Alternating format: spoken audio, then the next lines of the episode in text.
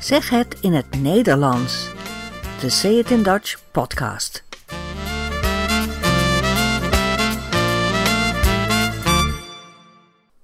Nummer 18. Welkom bij deze podcast. In deze aflevering praten we over het Rembrandtjaar en de restauratie van De Nachtwacht. Het mediafragment gaat over liftangst en wat dat betekent. Tot slot praten we over de Nederlandse film De Lift. Veel plezier bij deze achttiende aflevering van Zeg het in het Nederlands. Dit is de eerste podcast in het nieuwe jaar 2019. Het jaar van Rembrandt en de Gouden Eeuw. Aanleiding is de 350ste sterfdag van de beroemde Hollandse meester op 4 oktober.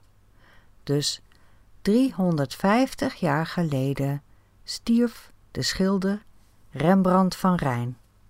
Er zijn dit jaar veel tentoonstellingen en evenementen die allemaal met de tijd van Rembrandt met de Gouden Eeuw, dat is de 17e eeuw, te maken hebben.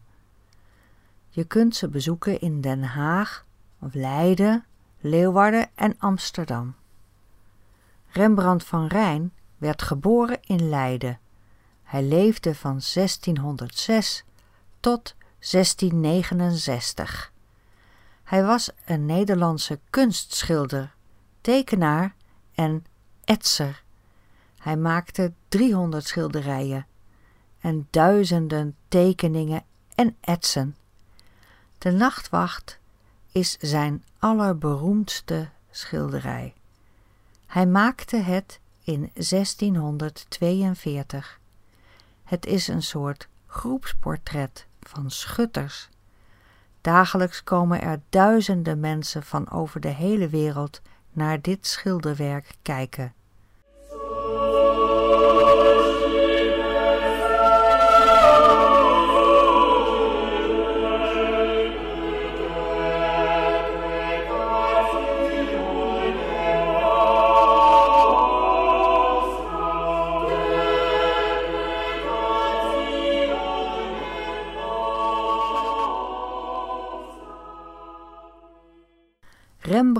Is een van de Hollandse meesters van de 17e eeuw. Hij is de belangrijkste. In de 17e eeuw schilderden heel veel mensen. Ze hebben wel eens gezegd dat er in die eeuw ongeveer 5 miljoen schilderijen zijn gemaakt. Dus je moest echt heel erg goed zijn om op te vallen om gezien te worden. Rembrandt was zo goed. Zijn schilderijen zijn nog altijd beroemd. Bijvoorbeeld omdat Rembrandt zo goed met licht en donker kon werken. Het goud van een helm glanst je tegemoet. Hij werd in Leiden geboren, maar schilderen leerde hij in Amsterdam. Daar woonde hij later ook met zijn vrouw Saskia en hun zoon Titus. In hun huis zit nu het museum Het Rembrandthuis. Zelf vind ik het schilderij dat hij van zijn zoon Titus maakte erg mooi. Titus is aan het studeren. Hij zit aan zijn bureau. Hij heeft een pen in de hand. Hij kijkt niet naar zijn boek, maar hij kijkt peinzend, denkend, dromerig voor zich uit. Je ziet duidelijk dat hij even moet nadenken over wat hij net heeft gestudeerd. Ik vind het schilderij heel ontroerend. Rembrandt maakte het in 1655.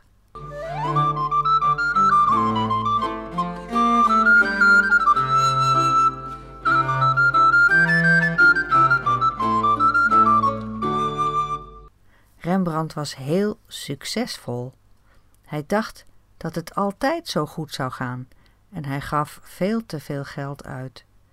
Na een tijdje veranderde de markt. Zijn stijl was uit de mode en toen raakte zijn geld op. Hij had niets meer en in 1658 moest hij uit zijn mooie huis vertrekken naar een kleiner huisje op de Rozengracht. Daar woonde hij nog elf jaar tot aan zijn dood. Dat laatste huisje is er niet meer. Er is alleen een bordje dat het huis daar ooit heeft gestaan. In 1656, toen Rembrandt net failliet was gegaan, begon zijn zoon Titus een kunsthandel om het werk van zijn vader te verkopen. Titus stierf in 1668, voordat zijn eerste kind Titia geboren was. Hij stierf aan de pest. Zijn vrouw en zijn vader Rembrandt en zijn schoonmoeder overleden allemaal één jaar na hem.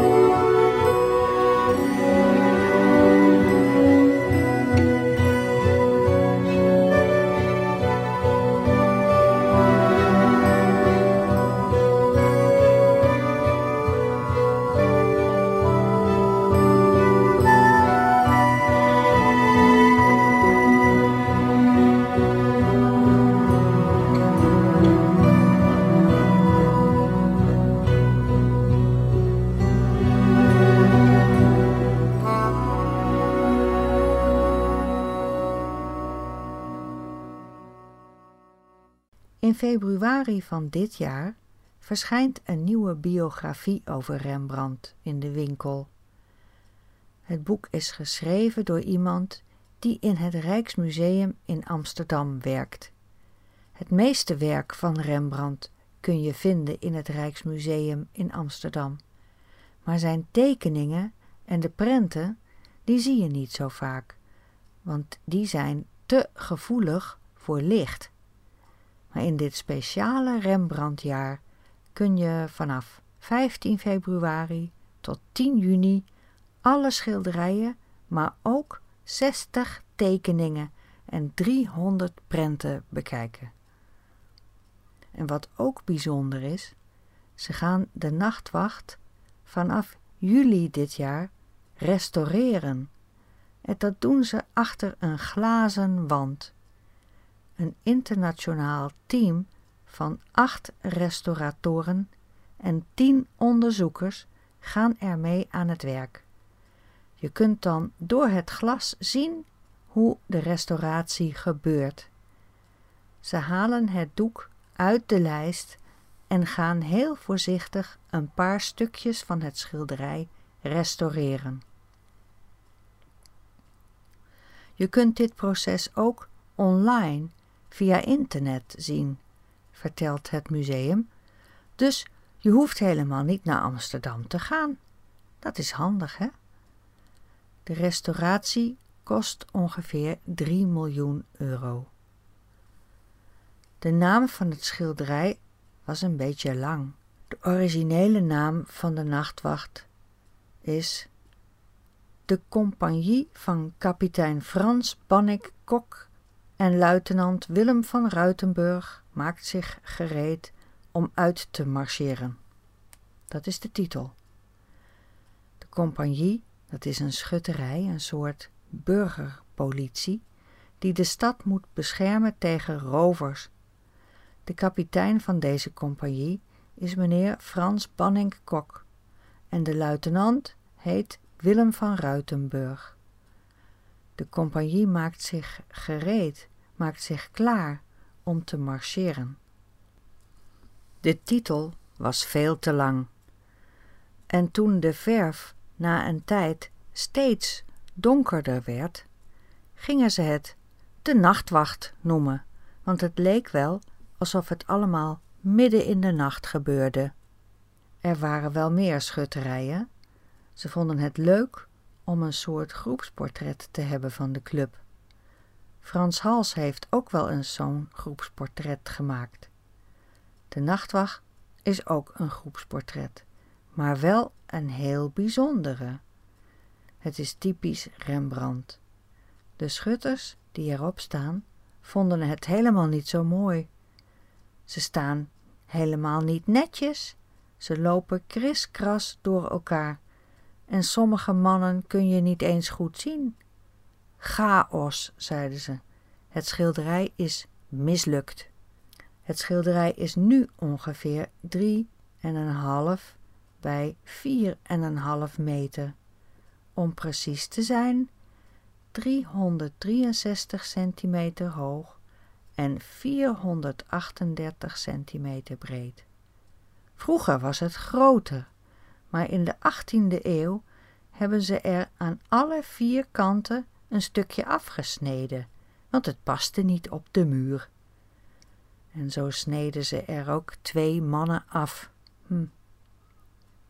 Dit grote schilderij is verschillende keren verhuisd voordat het in het Rijksmuseum kwam. In de Tweede Wereldoorlog wilden ze het schilderij tegen de bommen beschermen. Ze haalden het uit de lijst, rolden het doek op en brachten het als een soort opgerold tapijtje eerst naar een kasteel in Medemblik, maar daar was het ook niet veilig. Toen ging het naar een bunker in Castricum en uiteindelijk werd het schilderij verstopt in de grotten in Maastricht. Na de bevrijding in 1945 kwam het doek weer terug in Amsterdam. Het moest een beetje worden afgestoft, maar er was geen echte schade. En nu hangt het alweer jarenlang in het Rijksmuseum in Amsterdam.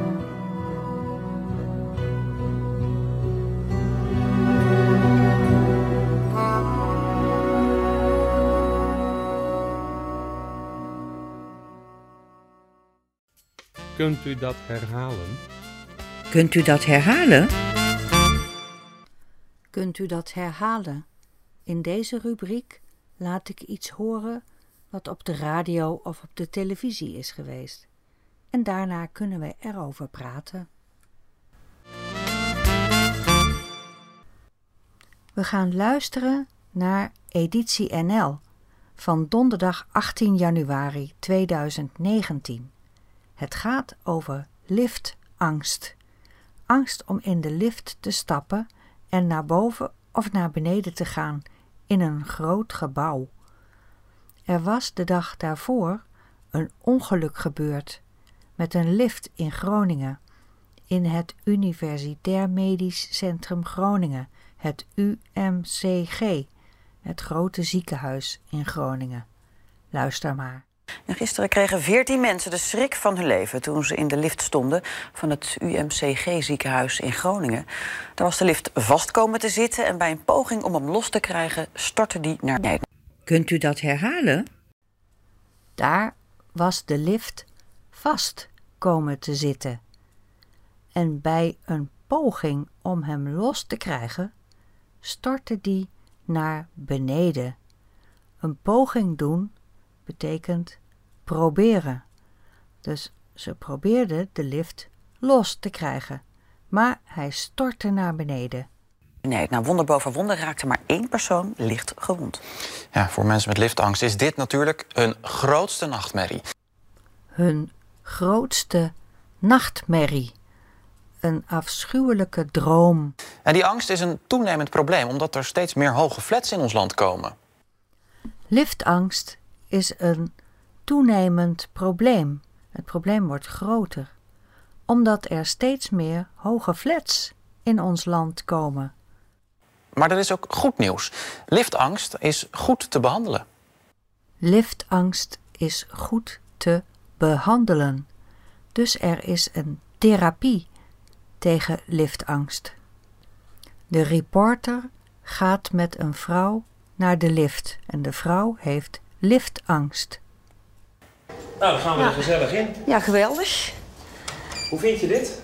Ik vind het een drama. Nog steeds. Ik zit hier nu 3,5 jaar en ik heb er twee keer opgesloten gezeten in de lift. Ze vindt het een drama. Nog steeds. Ze zit hier nou drie en een half jaar en ze heeft twee keer opgesloten gezeten in de lift. Dus twee keer zat de lift vast en kon de deur niet open. Ze zat opgesloten. Anja is claustrofobisch, een van de meest voorkomende vormen van liftangst. Het, het idee dat ik niet weg kan, dat is, het, eh, dat is echt het grootste punt. En op het moment dat hij echt eh, rare bewegingen gaat maken of iets, dan is het echt van eh, vasthouden en eh ik vind het doodeng. Ze vindt het doodeng. Dus de reporter gaat een beetje springen in de lift. Ja, Dus als, als ik nu heel flauw, maar als ik nu... Nee, niet Nee? Nee, niet doen? alsjeblieft. Ze zegt nee, niet doen. Alsjeblieft. In Nederland zijn 43 liftopsluitingen per dag. En elk jaar moeten 47.000 mensen uit de lift bevrijd worden. Maar zo'n incident of iets soortgelijks gisteren in Groningen is een nachtmerrie voor iedereen. Maar als je sowieso al liftangst hebt, Ja, mensen met liftangst eh, vinden dat, zien dat eigenlijk als een bewijs dat het gevaarlijk is. De therapeute zegt: mensen met liftangst zien het, dat ongeluk, als bewijs dat het gevaarlijk is, dat het niet veilig is om met de lift te gaan. Ze zeggen: zie je wel? Debbie Romberg geeft cursussen om liftangst tegen te gaan. Een van de belangrijkste dingen voor mensen met liftangst is afleiding zoeken. Afleiding zoeken. Dus proberen aan andere dingen te denken. Proberen je te concentreren op iets anders. Afleiding. Eh, op het moment dat je s'avonds in je bed gaat, als je gespannen bent, ben je s'avonds in je bed heel erg eh, zwak. Want dan komen al die gedachten binnen die je overdag wegduwt. Kunt u dat herhalen? Op het moment dat je s'avonds in je bed gaat, als je gespannen bent, ben je s'avonds in je bed heel erg zwak, want dan komen al die gedachten binnen die je overdag wegduwt. Een beetje heb je zoiets in een lift ook. Je wordt even op jezelf teruggeworpen. Je wordt even op jezelf teruggeworpen. Teruggeworpen komt van het woord terugwerpen, teruggooien. Dus je wordt op jezelf teruggegooid. Dus die afleiding zoeken, dat moet je heel actief doen. En nou is dit een aardige lift, maar na een tijdje ben je uitgekeken op die Ja, eh, postertjes. Oh? En toch is een lift vele malen veiliger dan een trap. Bij het Liftinstituut wijzen ze op de vele kabels. Kabels, Veiligheidsfactor is 12. Dus dat betekent dat de liftkabels 12 keer sterker zijn als ze eigenlijk zouden moeten zijn. Daarnaast is er een snelheidsbegrenzer en een noodrem die aanschiet als de lift valt. Allemaal waar. En toch gaat het heel af en toe fout. Zoals twee jaar geleden toen een lift in Rotterdam met een noodgang tegen het dak van het gebouw kwam. Daarbij vielen twee doden. En gisteren was er dus het akkefietje in Groningen. het akkefietje in Groningen. Een akkefietje, dat kan zijn een probleempje of een conflict, een ruzie. Maar hier is het een probleem. Akkefietje. En Anja, die is blij dat ze gaat verhuizen. Ik ga bewust op de begane grond wonen. We gaan bewust op de begane grond wonen.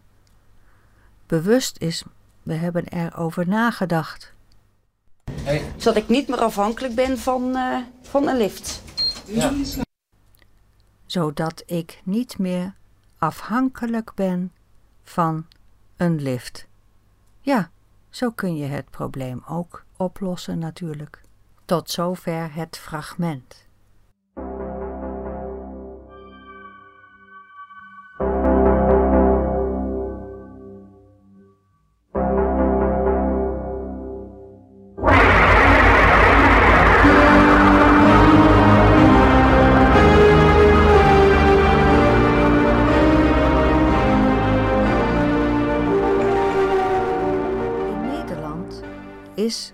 Ooit een spannende griezelfilm gemaakt met de naam De Lift. Een griezelfilm, dat is een horrorfilm. Ik heb deze film nooit gezien, want ik dacht, dan durf ik nooit meer in de lift te stappen. Het verhaal: Een liftmonteur gaat een geheimzinnige strijd voeren met een lift die zelfstandig geworden is. De lift maakt een aantal slachtoffers voordat de vasthoudende monteur met gevaar voor eigen leven het monster te lijf kan gaan. 16 jaar en ouder. De film is van Dick Maas. Het was zijn eerste speelfilm. Die verscheen in 1983 met in de hoofdrollen de acteurs Huub Stapel en Willeke van Amelrooy en Josine van Dalsem. En een lift dus. Ze hebben de film in 32 draaidagen gemaakt. Ze hebben dus maar 32 dagen gefilmd en toen konden ze gaan monteren. Er was weinig geld. Het budget was 750.000 gulden. Dat is ongeveer 341.000 euro. Echt heel weinig. Dick Maas schreef zelf ook de muziek en hij speelde die op de synthesizer. Er waren op alle draaidagen twee liftmonteurs van Schindlers Liften aanwezig om alles te regelen. Dat deden ze in een kantoorgebouw in Amstelveen. In gebouw Kronenstede aan de laan van Kronenburg in Amstelveen. Het was toen nog in aanbouw en die lift die gebruikten ze dus. Tegenwoordig zit er een kantoor van CGI in. Dat was eerst Logica. De Nederlandse producent zegt dat Amerikaanse producenten dat heel gek vonden, filmen op locatie. In Hollywood zouden ze de lift gewoon helemaal nabouwen in de studio. Maar daar was voor deze film helemaal geen geld voor. Dus een echte lift. De acteur Huub Stapel was toen nog onbekend. Nu is hij wel bekend. Niet zo beroemd als Rutger Hauer, maar hij heeft veel, in veel films en televisieseries gespeeld. En ook in Duitse films en ook in een Amerikaanse. De lift heeft een gouden kalf gewonnen. Dat is een belangrijke Nederlandse filmprijs.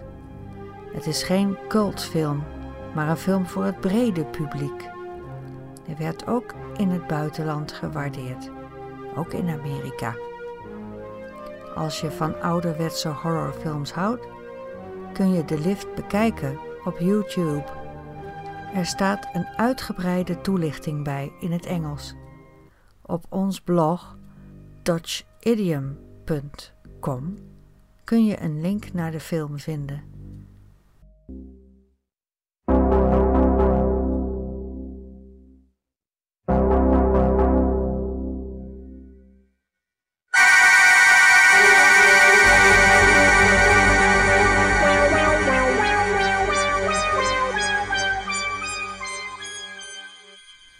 We zijn aan het einde gekomen van deze podcast. Hopelijk heb je ervan genoten en hopelijk heb je ook een beetje geleerd. Mocht je vragen hebben of uh, reactie willen geven, stuur dan een e-mail naar info@sayitindutch.com en kijk op ons blog dutchidiom.com. Daar vind je meer informatie over deze podcast. Tot ziens!